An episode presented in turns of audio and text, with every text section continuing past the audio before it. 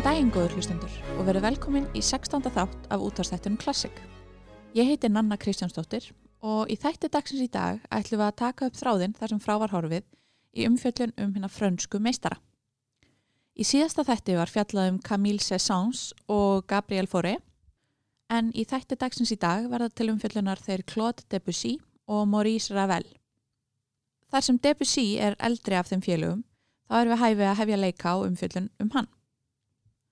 Archil Claude Debussy fættist þann 22. ágúst 1862 í útkverfu Parísar. Hann var elsti sonur fólkdrar sinna sem ráku postulínsbúð, auk þess sem móður hans vann sem saumakona. Fjölskyldan var fátæk og ekki mjög listrænt þengjandi, svo það koma óvart þegar Debussy fekk ingöngu í tónlistarakademíuna í París tíu ára gamal, eftir að hafa verið að dunda sér við að læra á piano síðan hann var sjö ára. Debussy var nefandi við tónlistarakademíuna í 11 stormasum ár en íhaldsamar kennsluaðferðir og hugmyndir innan akademíunar og skoðanir og smekkur Debussy pössuði ekkert allt og vel saman. Debussy legði það í vana sinn að skrópa í tíma og kom þannig mörgum af kennurum sínum upp á móti sér. Hún var hrósað fyrir hæfileika sína en var gaggrindur af kennurum sínum fyrir að sinna námanu ekki nægilega vel. Hann var mjög færi að lesa nótur og hafði alla byrðu til þess að verða frábær einleikari á piano en kerði sig ekkert um það, heldur vildi bara verða tónskald, kennurum sínum til mikillar gremju. 18 ára gamall fekk hann vinnu hjá Nadestu von Meck sem var mikill listapatrón og hlustundur kannast eftir við sem vinkonu, sponsor og pennavinn Tchaikovskis. Debussy vann hjá von Meck til ársins 1882 og ferðaðist með henni og fjölskylda hennar viðsvegar um Evrópu. Á þessum tíma var Debussy farin að semja á fullu og áttaði sig fljótlega á því að hann var á réttri hillu.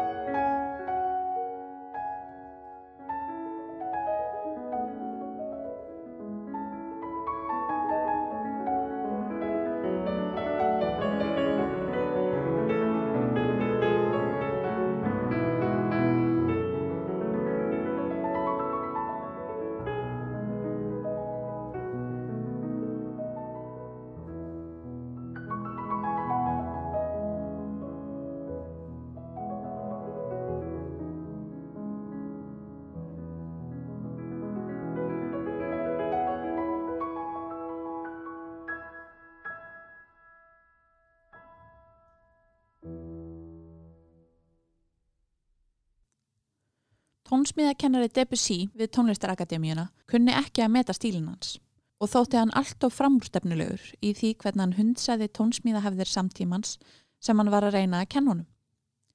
Það kom samt ekki í veg fyrir það að Debussy vann virtustu verlun sem veitt voru tónlistanemyndum í Fraklandi, hins svoköllu Prix de Rome, en hann hlaut verlunin fyrir þetta tónverk hér, L'Enfant Prodigue.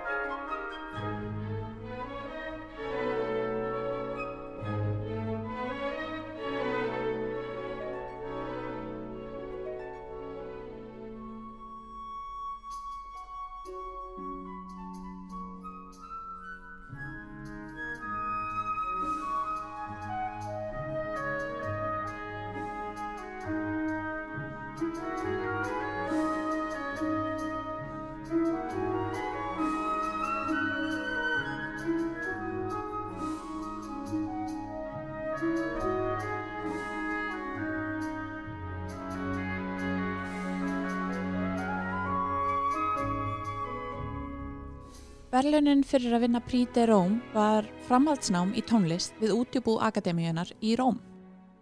Debussy namn þar tónsmíðar frá janúar 1885 til mars 1887. Hann kíkti nokkur sinnum heim til Fraklands á þessu tímubili, aðalega til þess að heimsækja kærustuna sína, Marie Vasnier. Þau Debussy áttu í sjö ára lungu sambandi og Debussy samti mörg verk tilengu henni. Hún var nú reyndar gift eldri manni að nafni Henri Vasnier sem var góðkunningi og velunari Debussy og kvartandi dáða við tónsmíðar og þeir tveir áttu alltaf í góðu sambandi. Annarkvort vissi herra Vasnier ekki að sambandi Debussy og frú Vasnier eða honum var bara alveg sama. Debussy nöyt sín ekki á Ítalju. Hann fílaði kvorki aðstöðuna nýja matinn, var þunglindur og nefndi ekki að semja. Eina skiptið sem hann fann löngun til þess var eftir að Frans List mætti í heimsókn í skólan og spilaði fyrir nefnduna. Debussy varð, eins og svo margir aðrir, alveg heitlaður af list og nærvera hans var til þess að hann fann innblástur að nýju. Þau verk sem Debussy sendi akademíunni til yfirferðar eftir dvöl sína á Ítalju fengu þá umsögn að þau voru afkáraleg, óskilinleg og að ógerlegt væri að flytja þau. Árið 1887 uppgöttaði Debussy tónlist Ríkards Wagner. Hann sá óperu Wagners Tristan og Ísolt og sagði hann vafalaust vera þar stórkoslegasta sem hann vissi um. Hann var þarna um tíma algjöru Wagner fanboy og stundaði Wagner-háttíðina í Bæróið næstu ár. Hann var þó ósamal á því sem margi samtímamenn hans heldur fram að stíl Wagners markaði nýtt upphaf og að allir ætti að leggja kapp á að taka stílin upp og lísti því svo að hann teldi Wagner vera fallegt sólarlag sem fólk heldi að væri sólarupprás. Debussy þáði innblástur víða að. Hann var mikil áhuga maður bæði um ljóðlist og myndlist og hvort tvekja hafði mikil áhrif á tónlistina hans. Sá myndlistamæður sem veit á hann um hvað mestan innblástur var hinn enski William Turner. En það var þó aðdón Debussy á ljóðum sem átti þátt í að skapa hans frægasta verk, Claire de Lune. Debussy dró innblástur frá ljóði Paul Verlaine undir sama nafni. Ljóð Verlaine höfðu áður inspirerað menn á borðu Gabriel Fauré sem fjallað var um í síðasta þætti. Við skulum heyra hér hefði mærða Claire de Lune.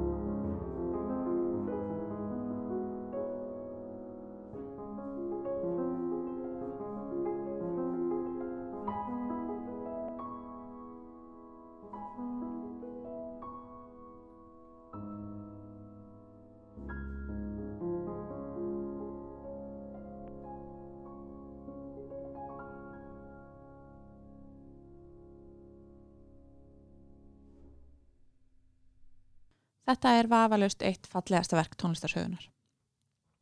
Debussy var hins vegar ekkit sérlega hrifin af því og var tregur til að fást til þess að gefa það út, þar sem hún þótti það ekki endur spekla stílsinn nógu vel. Það var sennilega ekki nógu edgy fyrir hann. En auk mynd og ljóðlistar fylgdi náttúrann sjálf Debussy sköpunarkrafti, en hann sagði að hvert einasta hljóð sem maður heyrði út í náttúrunni fæli í sér tónlist. Hvort sem umræðir fugglasöng, vindkviðu eða sjávarnið. Þessi nálgun Debussy er greinilegi í mörgum af verkunum hans. Sumt í hegðun Debussy vekur upp spurningar hvort hann hafi verið sérstaklega næ skægi. Hann var mikill einfari, átti það til að taka bræðiskost og var gefið gælunafnið Myrkraprinsinn vegna yfirbræðs hans. Hann var líka, þrátt fyrir að hafa verið fátækur stóran hluta æfisinnar, á móti mörgum úrbótum sem átti að bæta hag þeirra lægst settu, svo sem hækkun á lámarslaunum og var með aldrei sérstakar pólitíska skoðanir. Annað sem fær mann til að velta fyrir sér gæðum karakters hans var hvernig hann fór með konur. Marie Vasnier sleitt sambandi sínu á Debussys þegar hann snýri aftur frá Róm árið 1887. Eftir það hóf Debussy samband við aðra konu, Gabi Dupont, og eftir nokkur ára samband fluttu þau einn saman árið 1893. Árið setna, þegar þau byggu enn saman og voru í sambandi, kom í ljós að hann hafi átt í ástarsambandi með annari konu, Therese Rocher, og það sem meira er þá trúlofuðu þau sig að meðan Debussy var ennþá með hinn í gælunni og bjó með henni. Þetta vækti mjög sterk viðbröð, fólk var bara what, hvað er að og nokkrir vinir Debussys afnittöðunum í kjölfarið. Debussy sleitt trúlofunni við Therese Rocher og fór aftur til Gabi Dupont til þess eins að dömpa henni fyrir vinkonunnar sem hétt Lili Texier. Debussy og Lili giftu sig árið 1899 en Lili var þó ekkit sérstaklega spennt fyrir því til að byrja með. Hún fjálst þó á að giftast Debussy eftir að hann sæðist alltaf fram í sjálfsmorð ef hún hafnaði honum. Kvílgumistari. Vinir Debussy lístu henni sem indisleiri konu, hjartallýri og straightforward og að hún hafi verið bara mjög góð fyrir Debussy. En Debussy sjálfum líkaði stöðugt verfið hana þar sem að honum fannst hún óþólandi heimsk auk þess sem hún vissi ekki neitt um tónlist. Það endaði með því að vitimenn Debussy fór frá henni og byrjaði með annari konu. Sú var Emma Bardak sem fjalla var um í síðasta þætti þar sem hún hafði áður átt í ástarsambandi með Gabriel Fauré. Debussy kynntist Emmu Bardak árið 1903 en hún var móður eins nefndans. Þau hófu ástarsamband fljótlega eftir það og Debussy átti það til að senda Lili til foreldra sinna til þess að hann gæti átt gæðastundir með Emmu.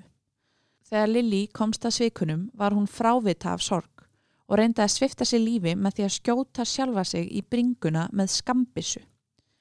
Hún lifði tilhörnuna af og lifði það sem eftir var æfisinnar með bissukúluna skorðaða á milli hryggjarlega. Enn fleiri vinir og kunningjar Debussys afnittáðu honum eftir þetta atvik og sumir þeirra, meðal annars Maurice Ravel sem verður fjallaðum hér á eftir, stopnuði sjóð til styrtar Lili sem stóð eftir einn og yfirgefin að meðan Debussy og Emma Bardak hófu ofinbært samband. Í oktober árið 1905 fættist þeim hjónum dóttir, Claude Emma, nefnd í höfuð á báðum fólkdrum sínum en hún var alltaf kölluð Shushu. Með Emmu og Shushu saði Debussy hafa fundið fullkomna hamingu og hann var algjörlega hugfangin af dóttur sinni og samti fyrir hana mörg verk, meðal hana svítu sem kölluð er á ennsku Children's Corner, en þar má finna þetta gaman sama verk hér.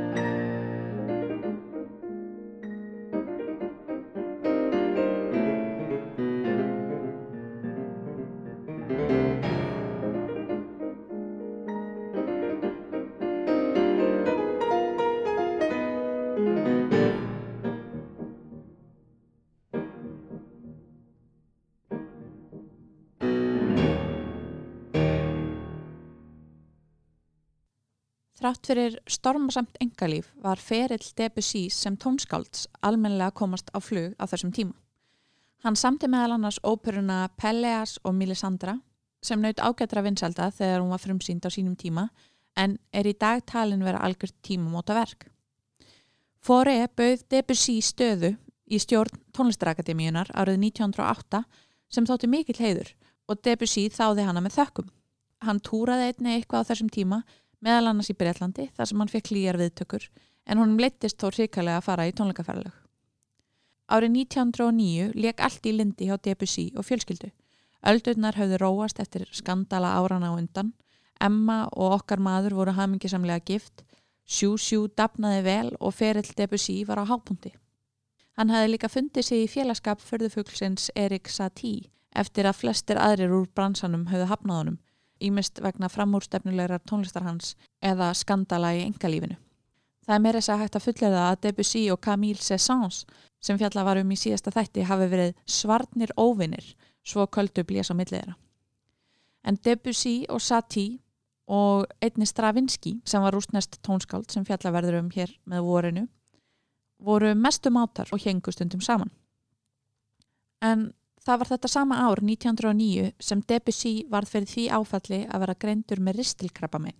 Hann var með þeim fyrstu í heiminum til þess að fara í aðgerð á ristli til að reyna að ná tökum á krabbamenninu en það dró hann til dauða rúmum 8 árum síðar í mars 1918. Vegna fyrri heimstyrjaldrennar sem þá geysaði var ekki möguleiki á að veita Debussy heiðursútför eins og flest tónskáld og hans kaliberu hefðu fengið. Sjúsjú, áskjær dóttir hans, lést aðeins rúmu ári setna úr barnaveiki og kvílir við hlið föður síns.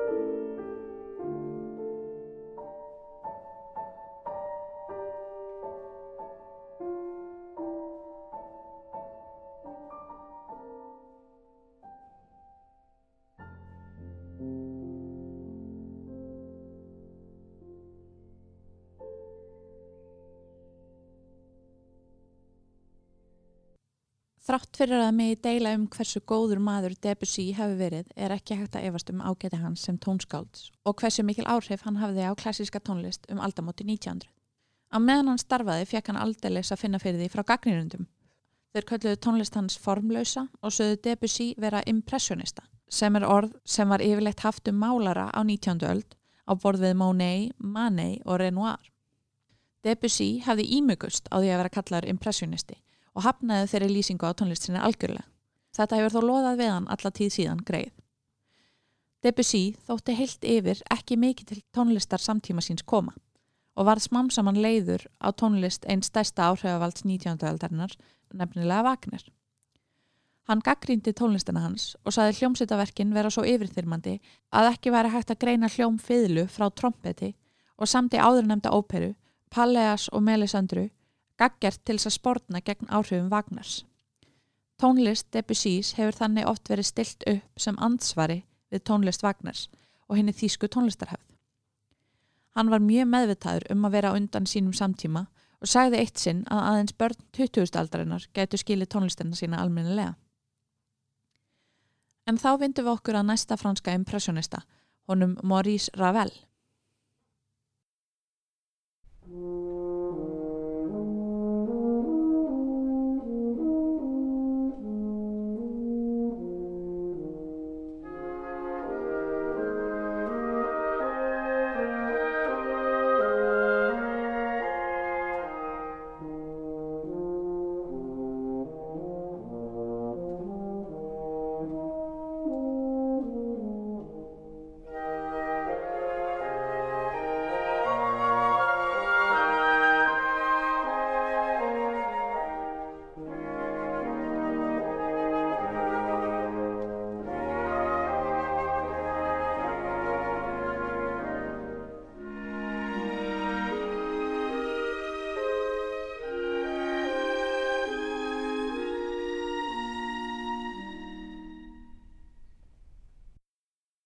Jósef Maurice Ravel fættist hann 7. mars 1875 í bænum Sibor í Suður Fraklandi, aðeins 18 km frá landamærum Spánar og Fraklands. Þetta er svo kallað Baskaland, þar sem búa þjóðarbrott Baska. Móðir Ravel, Marie Deloire, var Baski, fætt í Madrid, lítið mentuð og nánast ólæs og hafði fæðst utan hjónabands. Þegar uppfinningamadurinn og stjörnuverkfræðingurinn Pierre Joseph Ravel ákvaði giftast henni var hjónabandið litið hortnuga þar sem hann var talin vera giftast niður fyrir sig. En hjónabandið var einstaklega farsælt og greinilegt að Pierre Joseph og Marie elskuðu hvort annað að var heitt. Fjölskyldan flytti til Parísar þar sem yngri bróðir Ravel, Eduard, fættist. Eduard var mjög líkur föður sínum og hændur á honum en Ravel var algjör mömmustrákur. Ravel og móður hans áttu í nánu og sérstöku sambandi alveg þar til hún lést. Spænsk, basknesk, arfleð hennar hafði mikil áhrif á tónlistina hans og hann myndist þar síður á æfinni að sínar fyrstu minningar hafi verið að móður sinni að syngja þjóðlög úr æsku sinni fyrir hann. Ravel átti góða og haminguríka barnæsku með bróður sínum, mömmu og pappa. Fadir Ravel var mentaður í tónlist og hafði mikinn áhuga henni og er talið líklegt að hann hafi síðum tónlistamentur svona síns fyrstu árin.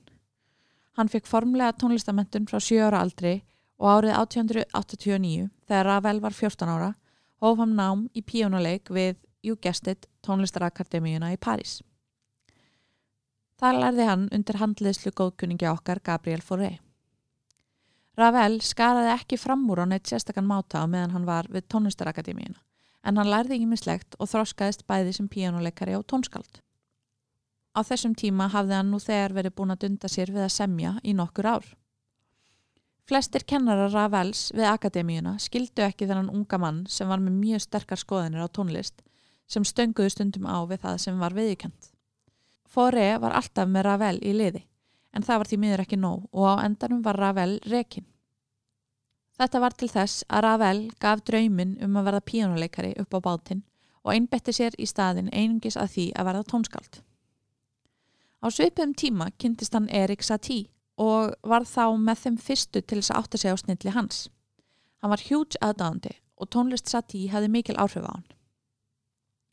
Það var undir þessum formerkjum sem hann sótti aftur um í tónlistarakademíunni árið 1897 nú með fókus á tónsmíðar og hann hóf aftur nám undir handleðslu fóri sem hafði alveg óbillandi trú á hann. Árið 1899 samti Ravel fyrsta verkið af þeim sem eru vinsalust eftir hann í dag, sem heitir á íslensku Pavan fyrir degjandi prinsessu.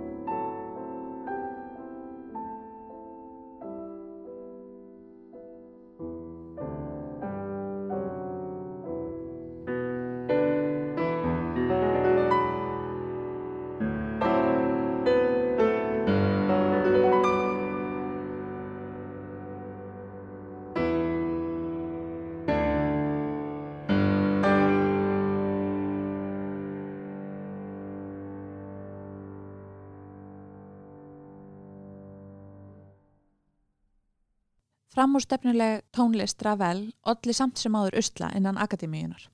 Skólastjóri hennar, Theodore Dubois, gjör samla þóldi ekki Ravel og gerði allt sem í hans valdi stóð til þess að halda aftur á hann. Þetta var upphafið á því sem hefur verið kallað Ravel-skandalinn. Ravel laði sig allan fram við að reyna að vinna áðurnemd verðlun, de Rome, og tók þátt fimm sinnum.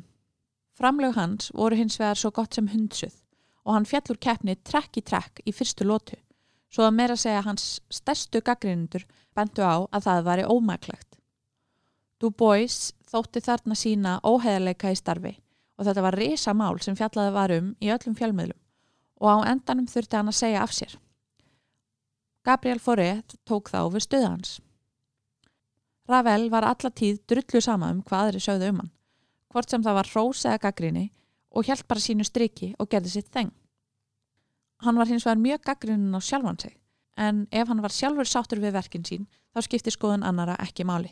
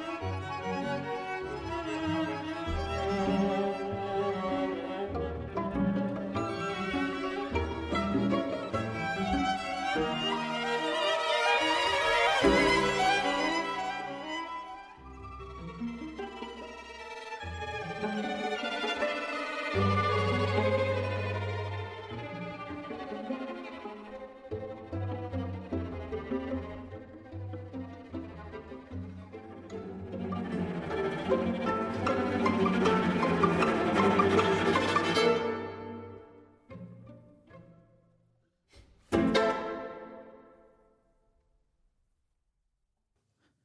þetta leiðandamál reys fræðarsól Ravel hratt og hann varð fljótt viðurkendur sem fremsta tónskáld frakka.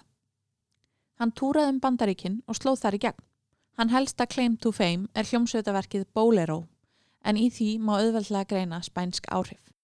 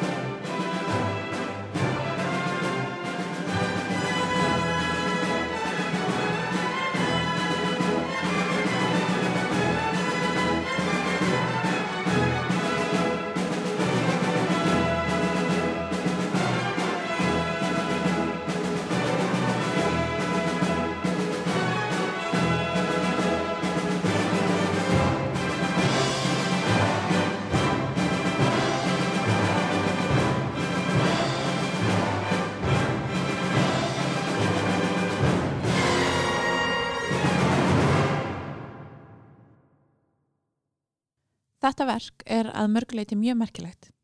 Þegar það var frumflutt árið 1928 var ein heldri frú í salnum sem fullirti að Ravel hlíti að vera klikkaður.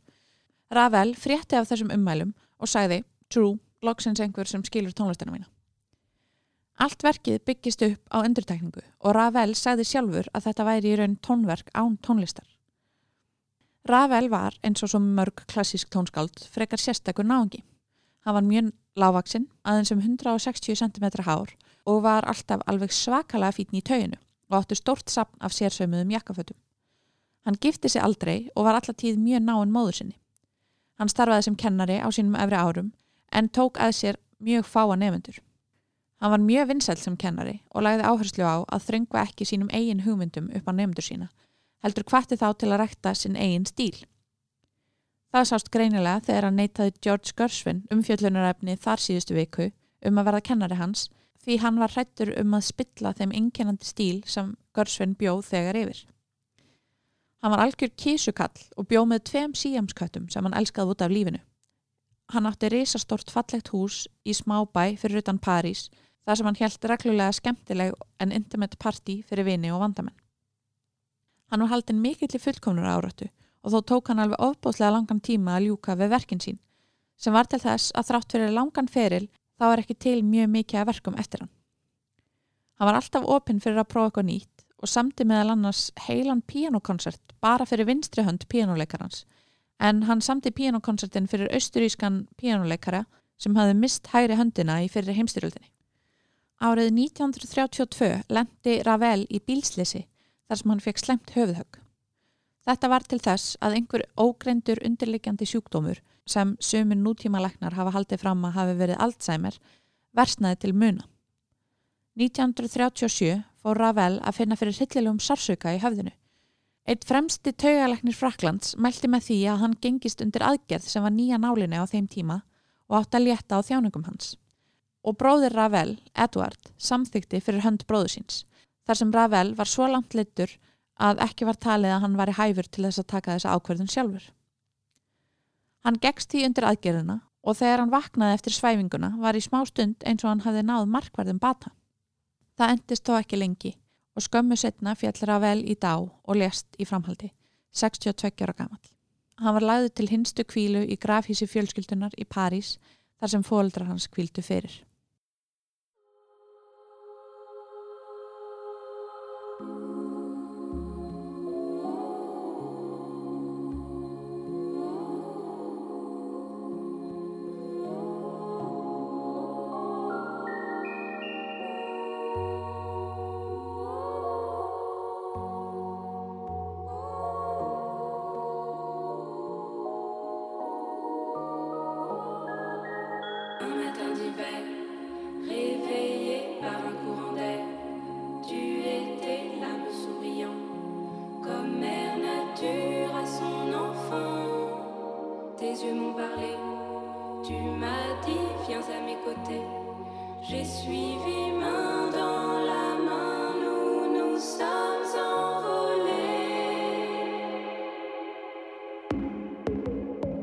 étions si.